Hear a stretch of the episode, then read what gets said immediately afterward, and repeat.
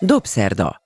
Váradi Júlia portréműsora a Klubrádióban. Beszélgetések kultúráról, művészetről és a világ dolgairól. Jó estét kívánok!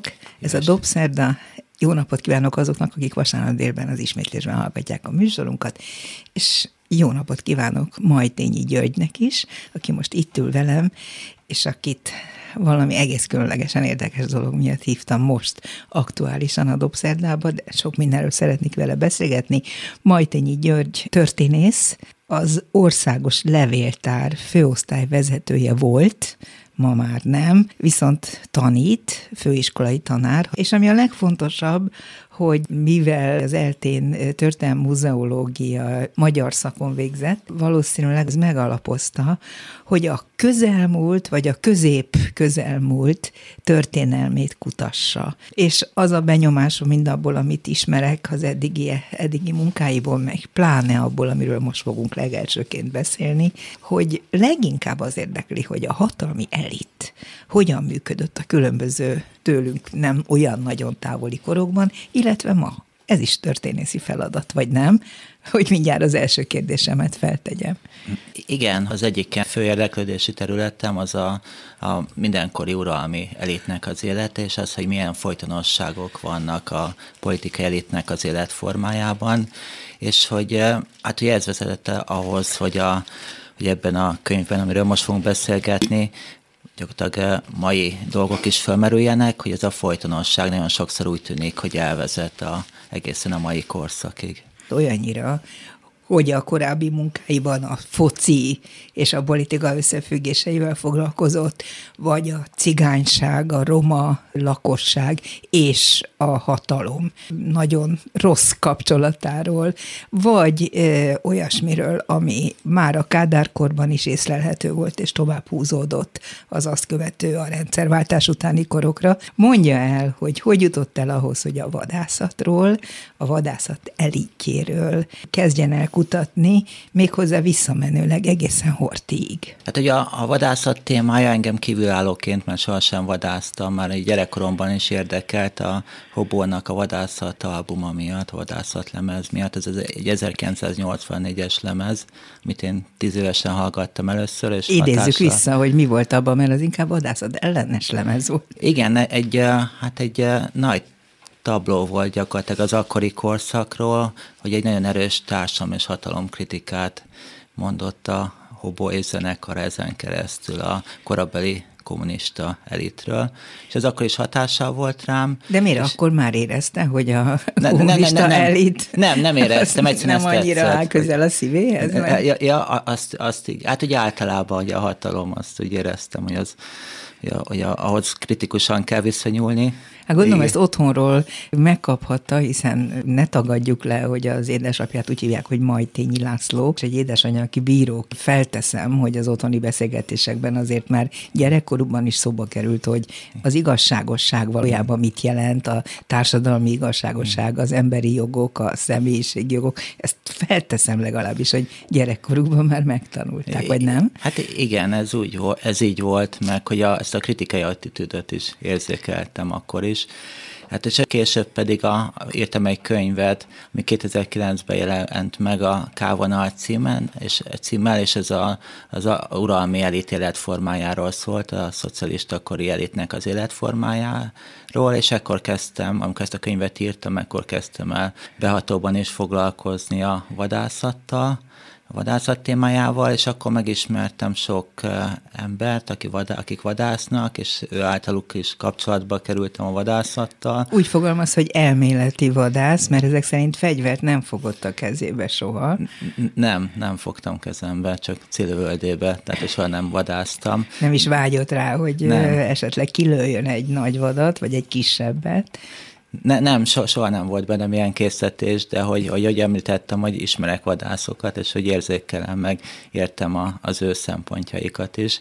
Hogy a, a könyvben erről is írok, hogy elválasztom egymástól a politikusok vadászatait, meg azoknak az embereknek a vadászatát, akik ezt eh, vagy mesterségként űzik, vagy hát ilyen nagyon tisztességes hobbiként gyakorolják. Volt egy, egy eh, vadászatról szóló film, és a bűvös vadászok, amit a Mozart Péter rendezett, én meg szerkesztő voltam benne, tehát hogy forgattunk is a vadászatról, és hát ez egy régi téma, ami, nagyon érdekel engem, és most érett meg bennem, hogy ugye mindig írtam róla, hogy ebből egy könyvet lehetne csinálni. És nyilván De a vadászati kiállítás volt az egyik hát kiinduló a, lövés? Hát, hogy, hogy inkább az, volt, a, hogy utolsó csepp a pohárban, tehát hogy mindig, hát hogy figyeltem a vadászatról szóló híreket, meg vannak vadászismerőseim általuk is, hogy, hogy nagyon erősen láttam én is ezt a folytonosságot, ami így látszik ma is a, a mostani ilyen politikai elitnek a szokásaiban, és emiatt érdekelt jobban. És amikor a, hát a mostani kiadó vezetével, a Halmos Ádámmal leültünk erről beszélgetni, meg a Jorsva Julival, a szerkesztője a könyvnek, akkor hát több téma volt, ami fölmerült, hogy, hogy mi az, ami készülő kéziratom van, és végül is a, a mostani horizontja miatt a történetnek is döntöttünk arról, hogy először ezt a, igen, igen, igen, igen hogy, hogy ezt a, de hát ez még elég, elég régen volt, tehát ez másfél éve voltunk, ezt megbeszéltük, hogy megírom, vagy hogy befeje, hogy könyvé formálom az eddig kéziratémat, és akkor amiatt döntöttünk emellett, hogy ezt a könyvet fogom először megírni a tervek közül. Látta a kiállítást? Ott volt ezen az elképesztő esemény sorozaton, ami a vadászati, ahogy ők mondták, világkiállítás, de a könyvéből is kiderül, meg egyébként is tudhattuk, hogy ez nem volt világkiállítás, mert nem kapták meg ehhez az időben az engedélyt, hogy így nevezzék, vagy nem, tehát nem, azt hiszem, nem, egyszer nem jelentkeztek időben, ugye? Hát elmulasztották bejegyezni világkiállításként, nem jutott senkinek se eszébe, hogy kellene, és utána pedig már késő volt. Igen, ott voltam, megnéztem. És mit szólt hozzá? Hát ugye nagyon sok ilyen vadászati rendezvényen voltam, már vannak ezek a fehovák, amiket minden évben megrendeznek. És Mi az egy Hát ez egy ilyen vadászati, ilyen horgászati, ilyen éves rendezvénykiállítás, amik nagyon ízlésesek szoktak lenni különben. De minek a rövidítése a fehova?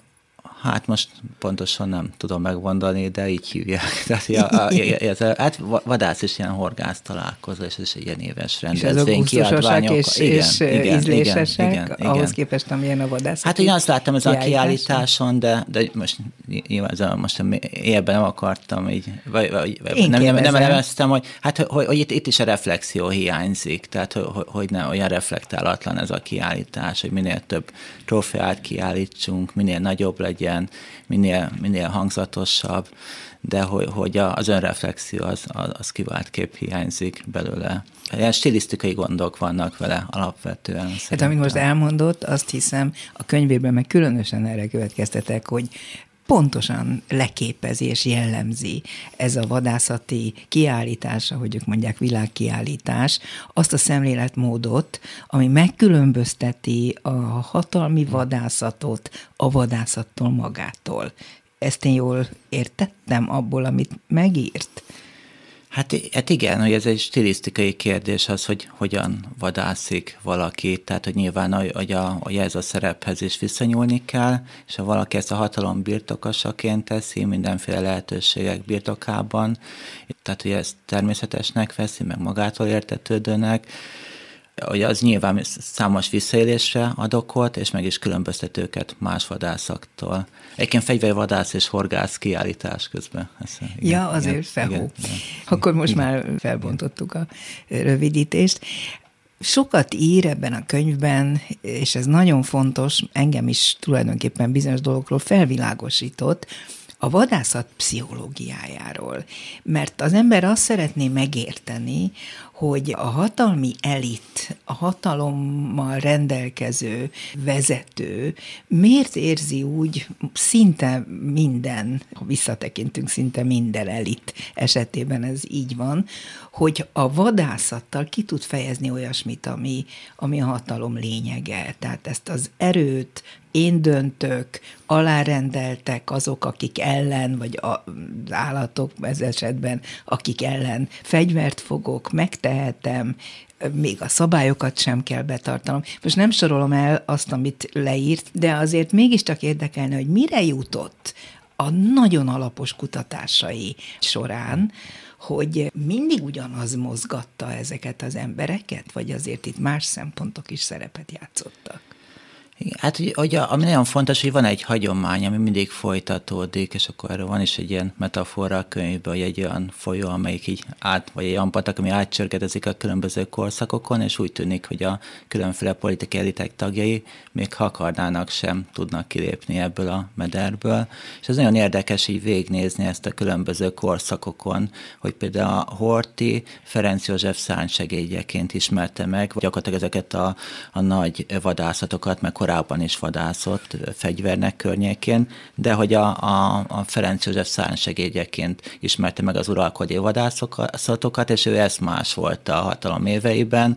Nagyon érdekes módon, amikor a kommunista politikusok megérkeztek hatalomba, ők pedig az akkor ilyen kisgazdák politikusoknak közvetítésével ismerték meg nagy részt a vadászatot. Tehát egyikük átadta a másiknak, igen, igen, és ez egy lánc átadták, volt. és van egy ilyen láncolat, aminek, hát hogy ami így átvezet a különböző korszakokon, és a láncemek nem is mindig közvetlenül kapcsolódnak egymáshoz, de hogy, hogy van egy folyamatos Valami sor. kapocs mindig meg. Igen, igen, hogy van közöttük Akkor kapocs. szerintem, hogyha van ehhez kedve, akkor menjünk végig ezen a történeten, nem azért, hogy most, ahogy mondjani, mondani szokták, hogy spoilerezzük a könyvet, bár nagyon izgalmas, tényleg, poénokkal teli, tehát Hortival kezdi, 1929-ben Gödöllön vagyunk, a Fox News tudósít egy filmben arról, hogy Horti, Betlen, Habsburg József főherceg hogyan vadásznak. Sőt, már a vadászati kiállítást is említi, az igazit, ami 1925-ben volt, és hogy tulajdonképpen Horti hogyan kezelte a vadállományt, a vadakhoz való viszonyt, és azokat az embereket, akiket maga mellé hívott. Egy kicsit mondja ezt el bővebben, nem csak ennyire Igen, tehát hogy az említett mozgókép, ez egy nagyon korai film, és ez is tudósít a, a Hortinak a vadászatáról, egy olyan felvétel, ami a korabeli Magyarországot kívánta bemutatni, és magát értetődő volt, hogy az elitett vadászat közben filmezzék. A szegényekről is szól persze ez hát a film. Ez egy másik kis felvétel született, ilyen budapesti bérházak világáról is, illetve elmentek vidékre is a készítők, de ez egy külön kis film, ami a Hortinak a vadászatát mutatja be, és ott fölbukkan Betlen István, a József főherceg is, hát és vadásznak Fácánra, és akkor van egy, egy pont a, a, ezen a felvételen, amikor a hajtók behozzák a vadat, és hát az egyik hajtó megbotlik, és hát ez ilyen, hát nem is kacajra, de egy ilyen mosolyra, egy mosolyra, készteti, mosolyra készteti a, a vadászokat, és hát ebben is látszódik, hogy ebben a történetben vannak, akik akiknek van hatalmuk, és vannak, akiknek nincs, és szolgálniuk kell őket, de hogy általánosságban a hortikorban a vadászat az, az mindenképpen egy reprezentációs célt szolgált, és átolvassuk a kornak a, a sajtóját, akkor a, gyakorlatilag a horti család úgy jelenik meg benne, mint a mai brit királyi család körülbelül, tehát hogy a hétköznapjaiknak minden mozzanatáról tudósítottak, és a, a kormányzóról szóló híradások azok nagyon sokszor az ő, ő férfiasságát, sportteljesítményét, vadászatait mutatták be, tehát ez egy nagyon mélyen patriarchális társadalom volt, és Hortinak még idős korában is valamiért arra volt készítése, hogy a saját fizikai erejét reprezentálja, és ezen, ezen keresztül bizonyítsa azt, hogy ő rátermett hatalomra, és valószínűleg személy szerint is vágyott a népszerűségre, és a vadászatnak ebből a szempontból is volt jelentősége az ő életében. Sőt, hát ő ezt nagyon komoly politikai kapcsolatépítése és kapcsolat erősítésre használta többek között, tehát akikkel együtt vadászott, ahogy ez aztán később ismétlődik minden egyes korban, pontosan szervezte és tervezte, ahogy látom, a, vagy olvasom, hogy bizonyos emberekkel milyen módon tudná megbeszélni a legintimebb vagy legfontosabb politikai ügyeket, egészen Göbbelszig. Igen, tehát hogy egyrészt a diplomáciában ekkoriban jelentősége volt a vadászatnak, Ribbentrop is vadászat, és azt gondolta, hogy a, a revízióban ennek szerepe lehet a diplomáciai kapcsolatépítés során, és akkoriban különben más országokban is vadáztak a, a politikusok, ez nem csak Magyarországon volt így, és másfelől pedig a, korabeli uralmi elitnek a kapcsolatrendszerét is befolyásolt a vadászat, és nyilván rangot jelentett, hogyha valaki Gödöllön részt vehetett Hortival a, a kormányzói vadászatokon, és az ő fia is vadásztak, sógora vadászott, a menye vadászott, tehát a Horti család is úgy általánosságban Sőt, hát a fia vadászott. halála után valami olyasmit írt, ugye, hogy a szomorúságot oldandó a menyével együtt vadászni ment Horti. Igen. Tehát, hogy a vadászat talán majd egy kicsit enyhíti a fájdalmat. Nagyon furcsa megközelítés igen. számomra, de ezek szerint ez is számított. Hát igen, meg meg is jelent, ennek volt egy ilyen személyes oldala is, tehát a gyaníthatóan, és hát meg is jelentek a korabeli sajtóban arról a hírek, hogy elejtett egy nagy medvét, és hogy hát, hogy a, azt is jelképezhette az ország közvéleménye számára, hogy férfiként viseli ezt a fájdalmat is. Ami azért ide kívánkozik mindenképpen, ha már a politikát emlegetjük, hogy hát olyan nagyon nem sikerültek ezek a tárgyalások a vadászat közben, sem Ribbentroppal, sem Goebbelszel, mert hogy aztán Hitler, és erre egyébként hangsúlyt is fektet a könyvében, éppen egy vadász kastélyban jelentette ki, hogy megszállják Magyarországot, tehát hogy feltétlenül csatlakoznak a magyarok a háborúhoz. Úgyhogy a vadászatnak itt is szerepe van, csak másik oldalról megközelítve.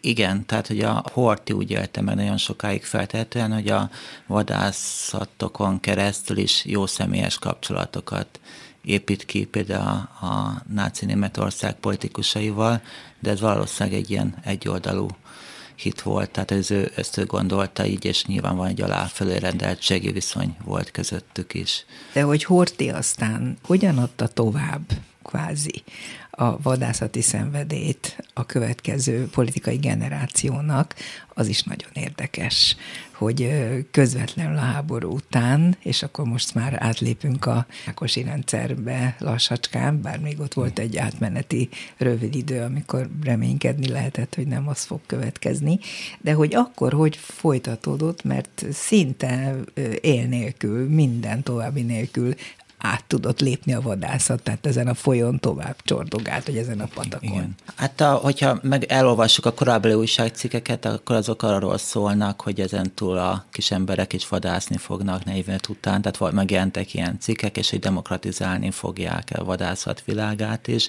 és az első tudósítások, ilyen filmiradók, újságcikkek, amik a 48 utáni időszakban, tehát már a szocialista korszakban e, születtek, azok azt hangsúlyozták, hogy most már a munkások vadásznak, és erre volt egy korabeli vicc, ami, ami a, arról szólt, hogy a szocializmusban a munkásosztály itala a konyak, de azt a képviselő útján fogyasztja el, és ez igaz lett a vadászatra is, és is lehet tudni azt, hogy pontosan hogyan születtek meg ezek az első vadásztársaságok, és hogyan alakultak ki a korabeli kormány vadászatok. Tóth Sándor írt erről hosszabban is, és hát az történt, hogy a, a 45 után a kisgazda politikusok közül már többen vadáztak. Hát és Dobbi ő... István volt ugye az, akire hivatkozik, mert hogy ő vitte át, ugye jól emlékszem? Hát többen, hogy Tildi is vadászott, Tildi is vadászott, mások is, és megalakult a parlamenti képviselők vadászássága, és akkor gyakorlatilag az ő nyomukban a fegyvert ragadtak a, a kommunista pártnak a vezetői is, és mindenkinek lett egy kedvenc vadász területe, ahol vadászott. Volt a, a nyúlstráf, arról beszéljünk. Igen. Az nagyon vicces, az már Rákosihoz kötődik. Igen, de hát, hogy ami nagyon érdekes, hogy a hagyomány úgy is folytatódott, hogy voltak olyan emberek, akik képviselték ezt a hagyományt, és ők nagyon jó vadászok voltak. Ilyen volt a Nagy Endre, aki a balatoni Balaton Edericsi Afrika Múzeumnak az alapítója. Később és Afrikába ment, és ott is élt hosszan. Igen.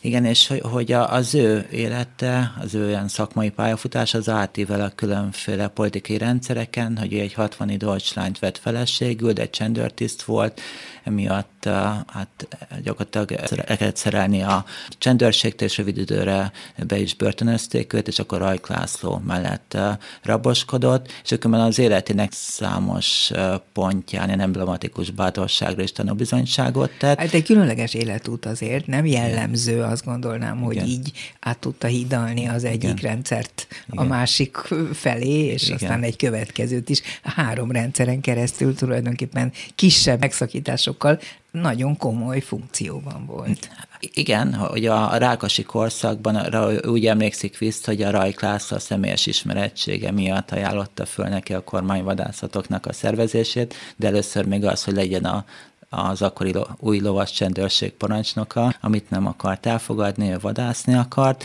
és ő szervezett először egy nagy nyúlstráfot, egy nagy nyúlvadászatot, az részletesen leírom a könyvben, hogy ez hogy történik. Nagyon a, a, a kommunista politikusoknak, és azt úgy emlékezett... Ez egy különleges vadászási mód volt, ugye? Ezt igen. elmagyarázza, hogy mi volt?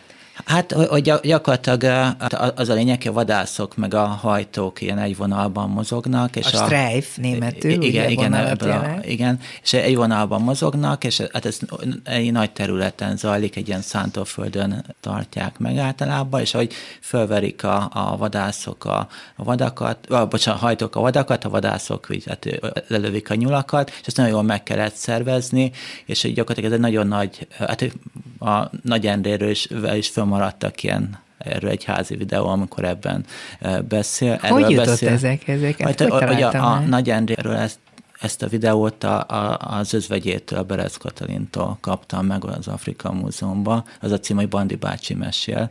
és hát, hát gyakorlatilag úgy, úgy zajlott, mint egy hadművelet, hogy ő megszervezte, hogy voltak hajtók, szekérrel szállították a vadakat, ő középen, mint egy karmester irányította az egész műveletet, és voltak ilyen futárok is, akik a, a hajtósor két oldalára vitték ki az ő üzeneteit. Tehát egy, egy ilyen összehangolt ilyen Most hadmű... eszembe jutott erről, hogy hadműveletnek nevezte, egy valamelyik valamelyik későbbi politikus, talán már a mi mostani rendszerünk valamelyik ember mondta azt, hogy a vadászat az olyan, mint a háború, csak az ellenfél visszalő. A Lelovics György, aki a csak soly, solymokkal vadászott, és egy nagy, ja, ő a hasonló, nagy solymász, igen. hasonló figurája vagy alakja a magyar vadászat történetének, hogy ő, ő egyelőtten küzdelemnek tartotta, hogy valakinél puska van, a másik meg csak menekülni tud, vagy még az sem, és ő solymokkal vadászott csak, és amikor hát kikerült hát a... készült is egy film, igen, egy csodálatos igen, film. Mésző Miklós, Miklós megírta a regényt, és akkor ebből film készült. Igen, és hogy a, amikor kikerült a hadszintére, akkor úgy látta, hogy, ez, ez olyasmi, mint a, az háború. A, a háború, igen. Hogy mindjárt átérünk arra a történetre például, amikor Brezsnyevvel valami nagyon vicces és nagyon kellemetlen dolog történt, ami majdnem megfordította a magyar politikát, mm. de még egy pillanatig térjünk vissza Rákosihoz, mert igen. hogy ő kapott nyúlstráfot. I, igen, és hogy, tehát ennek az egész történetnek is az a, a mondandója a könyvben, hogy eh, az, az úgy emlékezett vissza Nagy Endre, amikor ezt az egész nyúlsráfot megrendezte a, a rákoséknak, akkor félt, hogy mit fognak szólni hozzá, és amikor végre lett a vadászat, akkor látta, hogy nagyon piros posgásak az elvtársak. Nála ez mindig összecsúszott, hogy urak vagy elvtársak, mert az urakat is, meg az elvtársakat is Szolgálta. vadáztatta. Hát ő, vagy legalábbis segített igen, nekik a vadászatban. Igen, segített nekik a vadászatban, és hát akkor látta, hogy, hogy ez sikeres vadászat volt, és azt mondta, hogy az volt a probléma, hogy a, korab, a korábbi ilyen vadászatok szervezői, akik ilyen hát ilyen pártemberek, államvédelmisek voltak, nem értettek hozzá, vagy nem mertek egy nagy főúri vadászatot szervezni, és ő jött rá arra, vagy ő döbbent rá arra, hogy a kommunista vezetők ugyanannak örülnek, mint a horték, hogyha minél nagyobb a teríték, minél több hajtó van, minél több segédszemélyzet, stb. stb. Földolgozott bizonyos emberi sorsokat, életutakat, olyanokét, akik részt vettek ezekben a hatalmi vadászatokban, általában háttér vagy irányító emberként, de persze nem politikusként, és hogy az ő sorsuk hogyan alakult annak megfelelően, hogy hogyan helyezkedtek a hatalmi konstrukcióban. Hogy tulajdonképpen percről percre változhatott volna az életük így vagy úgy, de a vadászat az biztonságot jelentett, garanciát arra, mert az volt a legfontosabb ezeknek a hatalmi embereknek, és ezért aztán védték azokat, akik egyébként lehet, hogy más esetben börtönbe kerültek volna, vagy még az akasztófát is el tudom képzelni. Igen, tehát nagyon érdekes, hogy az 50-es években is megmaradtak ilyen régi híres vadászok, ilyen vadászati állásokban, és ugye voltak, akinek olyan rámi fordulatokat vett az élete, de utána visszatérhettek oda, és hát erre példa például a gróf Széchenyi Zsigmond is, és hogy nagyon úgy tűnik a források alapján, hogy a vadászok maguk például Nagy Endre, vagy a már említett Lelovics Györgyök adottságnak vették azt, hogy a, a mindenkorban a politikai elit vadászik, és nekik ez volt az életük, szenvedélyük, és hát nagyon sokszor a vadgazdálkodás érdekében próbálták kihasználni az elitnek ezt a szenvedélyét, és hát a, a, egy ilyen emblematikus történet, hogy a Nagy Endrének az özvegye mesélte, hogy amikor Nagy Endre már visszatért Magyarországra, és megalapította ezt a Ricsi múzeumot, amiben különben kommunista vezetők segítettek nekik, akiket akkor Afrikában vadásztatott. Igen, akkor, a zsiráf, meg talán igen, elefánt is. Igen, és megkérdezték és akkor járt, járt hozzá a Földes László, a Balaton Derics, aki kommunista politikus volt, de, de grófok és hercegek is megfordultak nála, és akkor kérdezték, hogy, hogy, ez, hogy miért van, meg hogy van, hogy ő mindenkit fogad, és akkor legyintett, hogy ő a politikával nem csak a bivajokkal foglalkozik. Tehát, hogy, tehát, hogy nagyon sokan... Az a, igazi vadász nem I- Igen, igen, és ez általában is emblematikus történet, hogy a diktatúrák alatt nagyon sokan ilyen saját univerzumukba vonultak vissza, vagy a saját univerzumot teremtettek maguknak, és azon keresztül értelmezték a külvilágot is. Majtényi Györgyel beszélgetek, történésszel, kutatóval, aki ezúttal a hatalmi elit vadászati kultúráját, vagy kulturálatlanságát kutatta és írta meg. Ami nagyon felizgatja az embert, ö, olvasva ezt a könyvet, az az a tényanyag, ami arról szól, hogy hány vadat lőttek ki, hogy a vadkacsától a vaddisznóig, a medvétől a sólyomig, vagy nem tudom mi, mi mindenig, tehát olyan állatok, amelyekről én azt képzelném, hogy védendőek, és hogy mennyiségben milyen hatalmas, hatalmas számok azok, amelyekről beszámol ebben a könyvben. Hogy mennyire tette tönkre ez a hatalmi vadászás a vadgazdaságot Magyarországon. Hát ez olyan érdekes, hogy ne, nem tette tönkre, hanem inkább szolgálta, hogy a vadgazdaságot olyan emberek irányították, akik, akik gyakorlatilag befolyásolni tudták a, pártvezetőket, hogy vadászati lehetőségeket kínáltak nekik, amivel éltek, kerültek a nagy terítékeknek, a nagy zsákmánynak, és közben meg fejlesztették a vadászterületeket, meg a vadgazdaságot. Tehát hogy a háttérben a vadgazdálkodást a hortikor át napjainkig gyakorlatilag szakemberek irányították. Igen, de azért, amikor látok egy olyan képet, mert nagyon sok jó fotót közöl ebben a könyvben, látok egy olyan képet, ahol kiterítve, nem tudom, 8000 nyúl látható, jól emlékszem, vagy, vagy szóval több ezer állat. Akkor én azt gondolom, de nem tudom, én fogalmam nincs, és erről kérdezném is, hogy, hogy van ez a gazdálkodásban, hogy szám szerint lehet nagyjából tudni, hogy milyen vadállományjal rendelkezik egy ország, vagy egy bizonyos vadászterület, és hogy azok közül hányat kell kilőni ahhoz, hogy egészséges legyen az egyensúly. Igen, erről van szó? Igen, hogy erről van szó, hogy ezt a vadgazdálkodási szakemberek tudták mindig, viszont a politikusok nem tudták, és őket az érdekelte, hogy, hogy mennyi vadat lőnek, hogy a, a Hortinak ezért alakított ki a Nemeskéri Kis Géza egy ilyen olyan um, jelentősen szarvasállomány Gödölő környékén medvéskertet létesítettek neki. A Kádár, Rákosin a Kádárkorban, de főképp a Kádárkorban pedig kialakítottak olyan nagy vadas parkokat, ahol tenyésztették a vadászatra a vadakat, és például a fácán tenyésztették ilyen gépi keltetéssel, és az azt jelentette, hogy úgy zajlott egy fácán vadászat, hogy tehát többféleképpen zajlott, de hogy, hogy a, kirakták egy adott területre a fácánokat, és hogy, hogy ott lehetett rájuk vadászni, és a korábbi főúr időszakban csak a fácánkakast lehetett lőni, a tyúkot nem, de ezt már ekkor nem tartották be. Hát és nagyon volt, sok mindent nem tartottak be, ahogy igen. írja, vagy nem így volt, hogy, hogy a szabályokat általában simán áthágták? Ez is függött az egyénektől, hogy, hogy mindenki a habitusának megfelelően viszonyult a vadászathoz, és akkor volt ez a nagy híres vadászat, hogy, hogy ez 1984 végén volt, és az egyetértés vadászásság volt a pártvezetőknek a vadászássága, és nekik rendeztek egy nagy fácánvadászatot. Igen, létre. igen, és 8974 darab fácánt lőttek ki, ami akkoriban, tehát ez nem regisztrálták, de világrekordnak számíthatott, és a Gáspár Sándor maga 1710 darab fácánt lőtt, amivel állítólag egy indiai maharadzsának is megdöntötte a csúcsát. Jó, de akkor ezek a szegény fácánok, akik ott életet vesztették, ezzel nem ritkult meg a fácán állomány oly módon, hogy, hogy ebből baj lehetett volna? Ne, nem, mert tenyésztették nekik. Tehát a, ja, direkt eleve, direkt nekik, eleve nekik tenyésztették. Na, ez a másik érdekes vonala ennek a történetnek, azt gondolom, a tenyésztett állomány, hogy azt is valaki előre nagyon pontosan mérnöki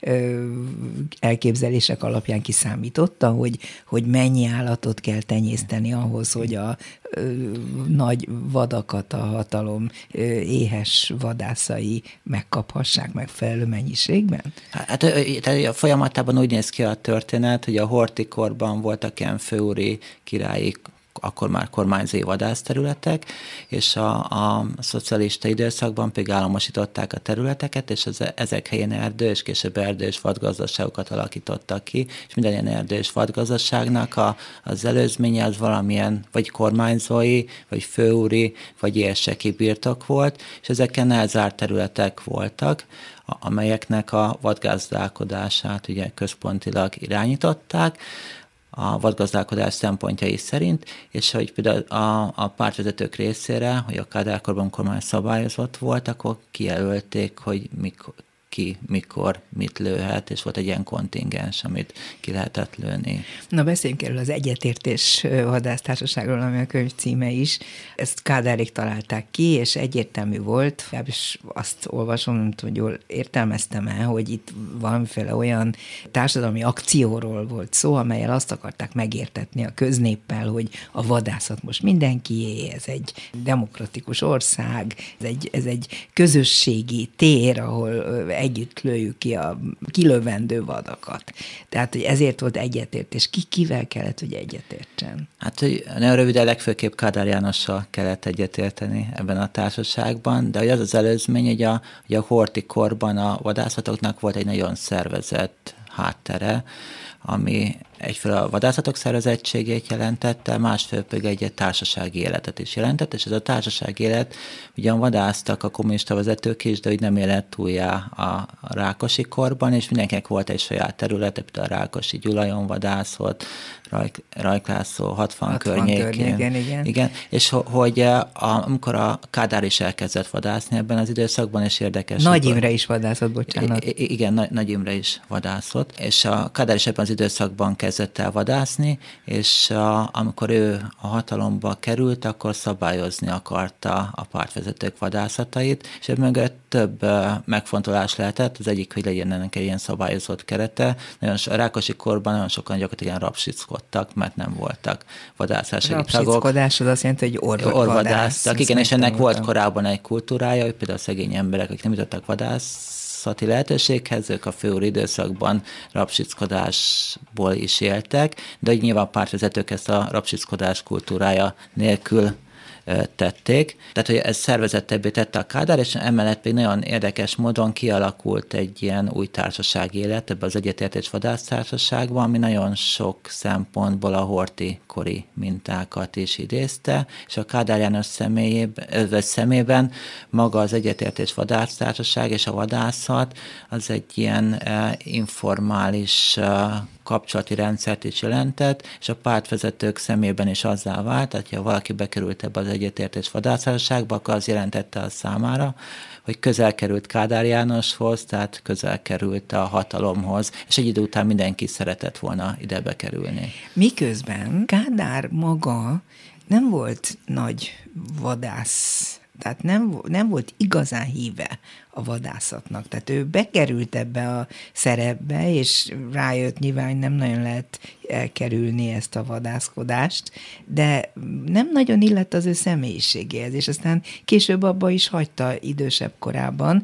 Nagyon röviden én úgy láttam, hogy, a, hogy akik a hatalomban vannak, a saját személyiségük alapján is használják ezeket a lehetőségeket, hogy a, hát a rákosnak a vadászatai azok szemtanúk szerint félelmetesek voltak. És Mindenkire után, és minden előtt azt mondja. Hát igen, és gyakorlatilag veszélyes volt a közelében lenni, és hát önfegyelem nélkül gyakorolta ezt a tevékenységet is. Sőt, Akár... volt olyan egyszer, azt olvastam, hogy az őrületes, hogy, hogy az autóból fényszórónál meglátott egy hát, vadat, hát, és akkor kilőtt az ablakon, igen. azt hiszem a rendes pisztolyával. Nem, hogy, az, az, az több, több ilyen pártvezetőről is van, van ilyen történet, és a Kádárán meg azt kell látni, hogy ő igazából minden tudatosan csinált a hatalomnak az éveiben, és a vadászathoz is tudatosan eh, viszonyult.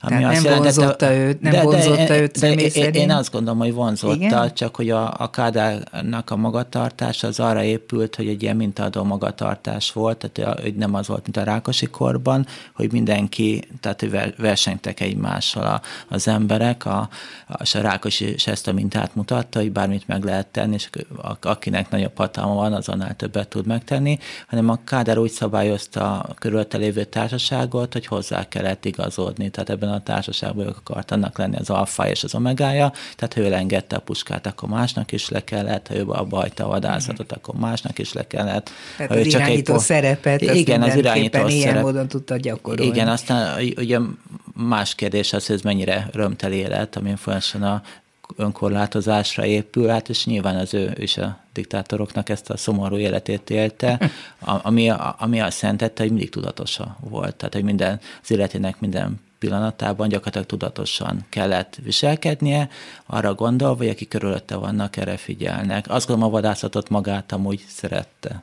És akkor most jön az a történet, amikor másodjára járt itt Brezsnyev vadászni Magyarországon.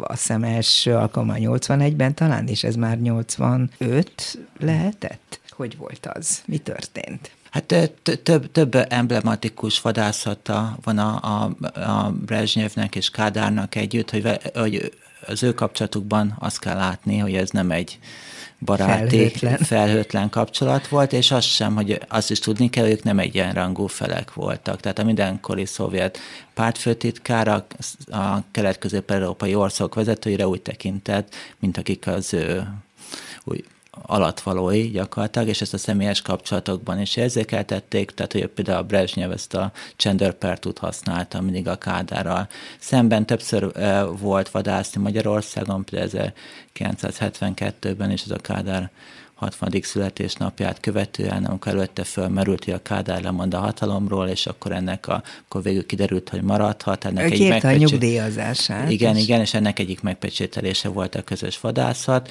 és hát eh, több, több híres vadászata van a Brezsnyevnek, volt, amikor eh, lelövettek vele egy nagy bikát, amit Hát, hát már oda hurcolták, és hát me, me, me, meg volt szervezve, hogy oda volt szoktatva egy rétre Budakeszin, és akkor ott ejtett el a, a Brezsnyev, és hát volt egy olyan is, amit a szemtanúk elbeszéléséből tudható, hogy, hogy megállt pisilni a Brezsnyev, mikor indultak volna a vaddisznóvadászatra, meglátott egy vaddisznót, utána ment, utána csörtetett, és rálőtt, és csak megsebezte a vadat, és az akár meg is fordulhatott volna, és akkor a kormányörök mentek utána, hogy segítsenek, de hát hogy végül nem, nem történt tragédia.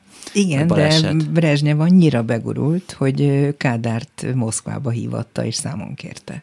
Kádárt nagyon sokszor ugye magához rendelte, és hogy ami egy ilyen emblematikus esemény, hogy a, amikor ő lebegtette a lemondását a 60. születésnapja előtt, akkor is voltak együtt vadászni, akkor olyan Moszkva mellett ez a videóban, és hogy, hogy erről sok legenda kering, hogy akkor ott pontosan mi történt.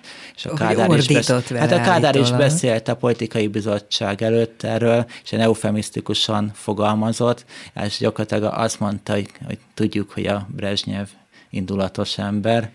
Hát, valószínűleg több történt annál, amit ő, amit ő elárult. Hát valaki azt írta, ezt kíváncsi vagyok, hogy hogy lehetett megtalálni az erre vonatkozó adatokat vagy információkat, hogy fe- fegyverrel is, vadászfegyverrel is fenyegette őt, mármint Brezsnyev Kádárt. Igen, hát, hát hogy ugye erről vannak visszaemlékezések, de hát, hogy semmilyen írásos nyom nincsen, hogy, hogy úgy utazott el akkor a, a Kádár Brezsnyevhez, hogy egy tolmácsot vitt magával, és egy, egy kormányőrt. Valódi beszámoló nincs róla, hogy a pártvezetés körében ez terjedt el akkor. De, de biztos, hogy megfenyegette a Brezsnyev Kádárt, és, és az is biztos, hogy, hogy később egy, ezt a kezdetük megbomlott személyes viszonyt egy közös vadászat, az 1971-es vadászati világkiállítás után már állították helyre. És a kormányőrről ne felejtsük el elmondani, hogy öngyilkos Igen. lett röviddel ezután, az eset Igen. után.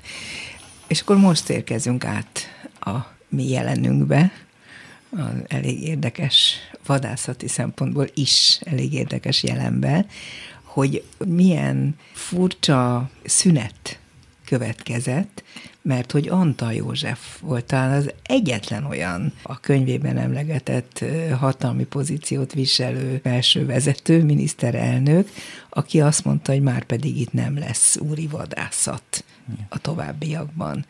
Elég hamar lesöpörték, és hát meg is halt. Igen, tehát a rendszerváltás előtti időszakban, ilyen 88-89-ben nagyon sok híradás volt a pártvezetők vadászatairól, a Magyar Nemzetben, beszélőben is volt erről írás, és hát a közölemény is elkezdett úgy viszonyulni a vadászathoz, hogy ez a, a pártvezetőknek a hobbija, és a hatalmi túlkapásokat is részben ezen keresztül is szemlélték, és hát nagyon sokat sokat irritáltak például Buda környéki lezárt vadászterületek is. És egy szimbolikus kérdés volt ugye, hogy, a, hogy az új elit az fog-e vadászni, és az Anta József tudhatóan személyesen elutasította azt, hogy legyenek kormányvadászatok, és egy új kormányvadászterületet jelöljenek ki, de a vadászat, mint hagyomány, az nem szakadt meg, hanem tovább élt, és több szereplő volt ebben, és több olyan közvetítő, aki ezt lehetővé tette. Csányi Sándor neve többször is felmerül, mint egyike azoknak, akik ezt a bizonyos hidat a Kádár rendszer és az Orbán, első Orbán kormány között, aztán a későbbi között is, de a, a Hornyula kormánya között is létrehozta volna. Tehát Csányi akkor még ugye nem az OTP vezéreként, hanem a mezőgazdasági és élelmezési minisztérium főosztályvezetőjeként szerepelt ebben a történetben. Ez hogy volt pontosan? Hát így a mezőgazdasági és élelmezésügyi minisztériumban volt egy e, olyan osztály, ami a protokollvadászatokkal foglalkozott, és ez gyakorlatilag az egyetértés vadásztárságnak az ügyeit intézte, és ennek volt osztályvezetőként a pénzügyi vezetője, és itt kerülhetett a Kádár korszakban, és itt kerülhetett ő kapcsolatba a vadászattal magával, és, a, a, hát és ugye ezt a hagyományt folytatta saját maga is a rendszerváltás után, hát és szólnak történetek arról, hogy az ő vadász birtokain kik váltak később vadászá, és általában elmondhatta, hogy a bankárvilágnak nagyon erős közvetítő szerepe volt ebben a hagyománynak a továbbélésében. A cserkelés az jellemző volt a bankárokra is. Fejtsük meg ezt a szót, mert én például egyáltalán tudtam, igen. hogy mit jelent, most már tudom.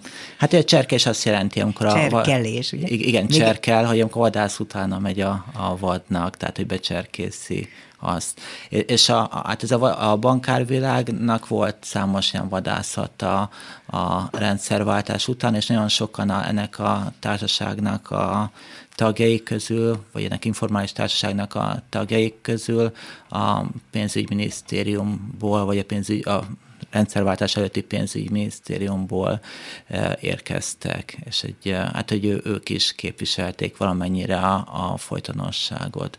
És a, ami ugye érdekes, hogy, hogy nagyon sok szempontból ez a kádárkori vadászat élt tovább, lát már privatizált formában, mert újra megjelentek a nagybirtokok, újra, újra lettek eh, elzárt magánvadászterületek is, és újra kialakult egy magánföldesúri réteg hát is. Hát egy új vadászati törvényt is hoztak, igen, ugye? Igen, ezt igen, idézem, amikor is a vadászati jog a földtulajdonhoz kötődött. Igen, tehát ezzel visszaállt a, a korábbi állapot, tehát a hortikori állapot, és ahogy megszülettek a nagy magánbirtokok is, úgy megjelentek ezek a nagy ilyen magárezervátumok is, ahol lehet vadászni, ugyanúgy, mint a főúri időkben.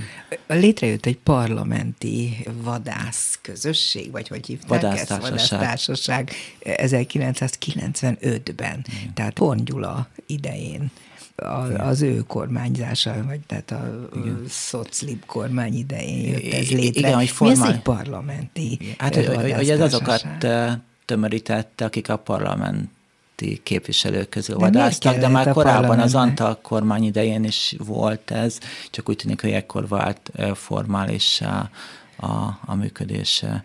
Nem vették akkor ott többen rossz néven a parlamenten belül? Nem voltak ellenhangok? Hát hogy, hogy én, én, erre azt tudom mondani, hogy magával vadászattal semmilyen probléma nincs.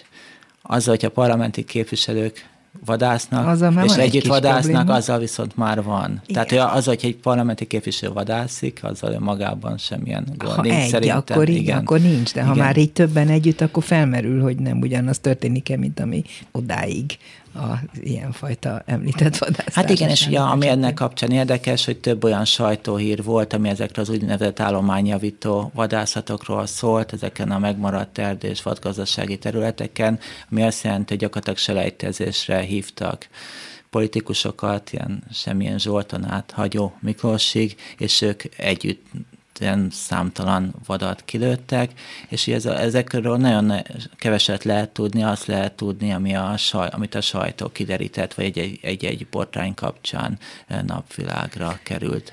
A lehetőséget nyilvánvalóan a pozíciójuknak köszönhetően kapták. Semmilyen szerepe az nagyon kemény ebben az egész történetben. Azt gondolom, hogy semmilyen Zsolt az egyik, akinek köszönhető mindaz, ami a mai durva elit vadászat körül történik. Ő például az volt, aki a, azt a törvényt erőltette és át is vitte, hogy a fegyvertartást megkönnyítsék, ugye? Mm. És ennek következtében persze a vadászat is sokkal nagyobb támaszt kaphatott. Hogy került ő például svédországi vadászatokra? Hát én szerencsére nem tudom pontosan, de hogy hát ugye azt lehet tudni, ugye, hogy a, hát hogy ő a vadászatnak egy lobbistája ma a kormányban egyfelől. Hát volt, Ma, ez kezdettől fogva volt, gondolom. Igen, és hát ugye ennek az Országos Magyar Vadászati Védeegyletnek is a vezetője, de hogy általában minden korban szokás volt, hogy politikusokat választottak ennek a, az élére az is gyönyörű, hogy a József főhercegi birtokon folytatják a mai nagy vadászok a, a vadászásaikat és a nagy lakomáikat is, tehát tényleg bezárul a kör, vagy visszatér magába, hogy ezek milyenek, ezekről hogy sikerült információkat szereznie? Hát, hogy nagyon sok. Általában ugye az a, az a jelenség, hogy a szocialista korszakban azt gondolták a politikusok, hogy ez örökké tart, és minden dokumentáltak. Tehát a szocialista a kori, tehát az államszocialista kori pártvezetők hivatalosan letették a vadászvizsgát, vadászársági tagok voltak, fönnmaradtak a, a jegyzőkönyvek a vadászatairól, a lőlapok, hát és ez gyökeresen megváltozott a rendszer Már váltás után. Vált? Hát, hogy, hogy ma, ma ugye botrányok kapcsán, sajtóhírekből, visszaemlékezésekből, és hát interjúk alapján lehet mindezt rekonstruálni, hát nyilván van nagy gondot fordítanak arra, hogy ez minél titkosabb legyen, és minél kevesebb dolog kerüljön napvilágra. Tehát nagyon sok helyen van folytonossága a történetben is, ami mondjuk a levéltári források alapján is rekonstruálható. De hogy például ezek a nevek, hogy, hogy Csányi, hogy Leistinger, hogy Mészáros Lőrinc, hogy Nyerges, Orbán Gáspár, Tiborc, stb., hogy ők hogyan kapcsolódnak és kötődnek a vadászterületekhez és a vadászathoz, és hogy ők hogyan vadásznak, erről csak újságcikkekből sikerült információkat nyernie, vagy valami más titkos dokumentumokhoz is hozzájutott? Hát, hogy nagyon sok olyan levéltári forráson, ami a 89-ig kutatható, nagyon sok történet ott kezdődik, de azok is, amik a Csányi Sándorhoz kötődnek, de hogy az egy másik történet, de a, a Semmilyen Zsolt Gánti vadászárságáról is vannak levéltári iratok a korszakból. Az ő apukája is vadász volt már. Igen, a, a, maga a történet azért érdekes, mert Gánton volt egy nagyon szűk körű vadászárság, ami a Szakszövetek Országos Tanácsának a vadászársága volt, és a háttérből a Gáspár Sándor a szakszövetet vezet irányította, de a Fokjenő, Apró Anta, Biszku Béla, ők mindannyian miniszterelnök helyettesek voltak, és vadászott ott, és igen, hát ugye Semmilyen Zsoltnak is a gyerekkori vadászélménye ez a területhez kötődnek, és ma az, ezen a területen ugyanaz a vadászházzal működő vadásztársaságnak ő a, a vezetője. Tehát, hogy vannak ilyen folytonosságok, amiket, amiket lehet ilyen nyilvános uh, információk, Egyébként használtam ebbe a könyvben ilyen cégkivonatokat is. Hát is nagyon sokféle forrás alapján rekonstruálni. Végül is ez a vadászati könyv, a vadászatról szóló kutatása nagyon pontosan jellemzi mindazt, ami Magyarországon történik ma, nem csak ami a múltban, és a folytonosságot, de azon kívül még egy nagyon fontos kérdést is felvet, hogy hogyan lehet egy egyébként valószínűleg szép dolgot, mint amilyen lehet a vadászat. Hozzám nem áll közel, de ez egy másik kérdés. Hogyan lehet olyan módon devalválni az értékét, hogy ma az ember azt hallja, hogy vadászat, akkor szinte csak negatív dolgokra gondol. Hát igen, ez a vadásztársamnak is problémája nyilvánvalóan. Én nem vagyok vadász, de érzékelem, hogy azért a, ennek a mostani vadászati kiállításnak a megrendezése az, az ő körükben is szült ellenérzéseket. Úgy, mint egy hasonlatot mondva, hogyha valaki futballszurkoló, akkor nem kell a hétvégi háza mellé egy stadiont építeni. Tehát, hogy mindent lehet visszafogottan, reflektáltan, és hát is stílusosabban is csinálni. De hát ugyanerről szól a focival kapcsolatos kutatása, ha jól látom, ugye? Hát a, a, a, a futballal kapcsolatos kutatásom az, az én oldalamra az abban különbözik, hogy az, hogy az nekem hogy hobbim vagy szenvedélyem, tehát ahhoz így, így az, az amiatt kezdett el érdekelni, és ott igazából a, a szocialista korszaknak a foci kultúrájával és a, szintén a hatalmi elitnek a focihoz való viszonyával foglalkoztam. De az folytatná, és a maiét vizsgálná, nem merült fel egyébként? Hát e- Akkor egy, egy, egy, hasonló nincs, párhuzamokat de, hogy, hogy, hogy, Igen, hasonló párhuzamokat találnék, de hogy a vadászat az, az hangsúlyozottan kivételes, tehát a vadászat az egyetlen olyan hagyomány, ami gyakorlatilag a hortikortól máig átível, és egy, nagyon erősen folytonos hagyomány, hogy ugyanazok a szokások életnek újra a különböző korszakokban a politikai vezetésen belül. Valószínűsítem, hogy az uralmi elit és a luxus a szocializmusban, ami ugyancsak egy tanulmányának a címe, hogyha annak a vizsgálatát tovább vinné a mai korig, Igen. akkor ott is nagyon sok párhuzamot és hasonlóságot találna. Tehát ezek a dolgok Igen. nem változnak, vagy igen? Hát sajnos úgy tűnik, hogy nem. És ez is volt a szándék, hogy, hogy bemutassa, hogy sajnos menthetetlen nem, a társadalom, nem, mint nem, olyan? Nem, nem, nem, hogy ez inkább egy ilyen perspektívája a kutatásnak, tehát hogy, hogy, hogy ma innen tekintünk vissza, de hát ez nem egy lezárt történet, hogy nyilvánvalóan változhat időben, és hogy most nyilván a ilyen diktatorikusabb időszakoknak a vadászati szokásairól eh, beszélünk, de hát voltak ebben szünetek, meg voltak olyanok, amikor úgy nézett ki, hogy másképp alakul a történelmet, tehát mondjuk a köztársasági időszakokban például. De sajnos a múlt mindenhol ott bújik, ahogy írta, és vissza, visszatér, tehát az én számomra azért eléggé pessimista a végkövetkeztetés, hogy ez nem múlik el, újra és újra él, sőt, újjá éled, és lehet, hogy még erőteljesebben rányomja a bélyegét egy-egy új hatalmi Igen. rendszer világára. Igen, nem, nem, nem akarom saját magamat idézni, de azt is írtam, hogy ez nem egy lezárt történet, tehát hogy sokféleképpen folytatható. Majtényi György volt a vendégem a mai Dobszerdában, történész kutató, legújabban a vadászat, mint politikai téma, ez volt a kutatásának témája. Nagyon szépen köszönöm, hogy itt volt a mai műsorban Lantos Dániel, Rózsahegyi Gábor, Csorba László, Budai Márton és Pálinkás János segített. Köszönöm az ő segítségüket.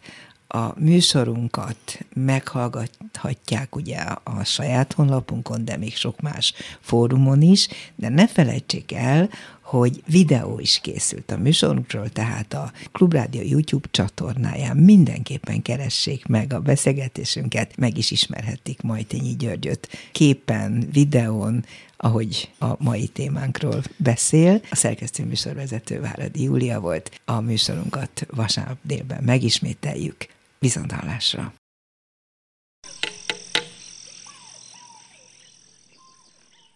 Molto vivace.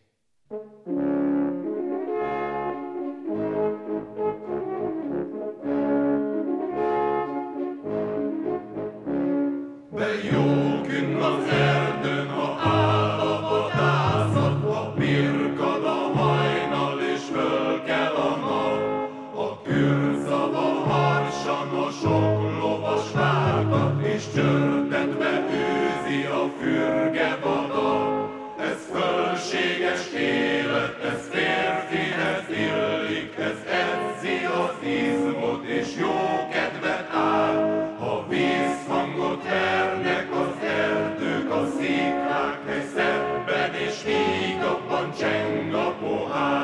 Yo ho tra la la la la la la la.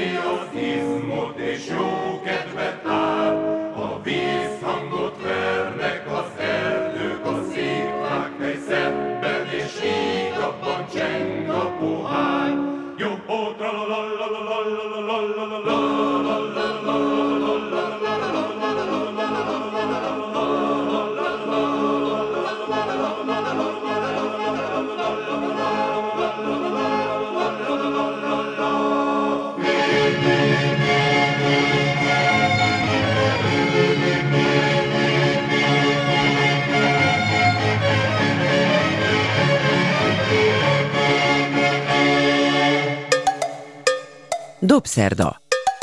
A világ dolgairól beszélgetett vendégével Váradi Júlia.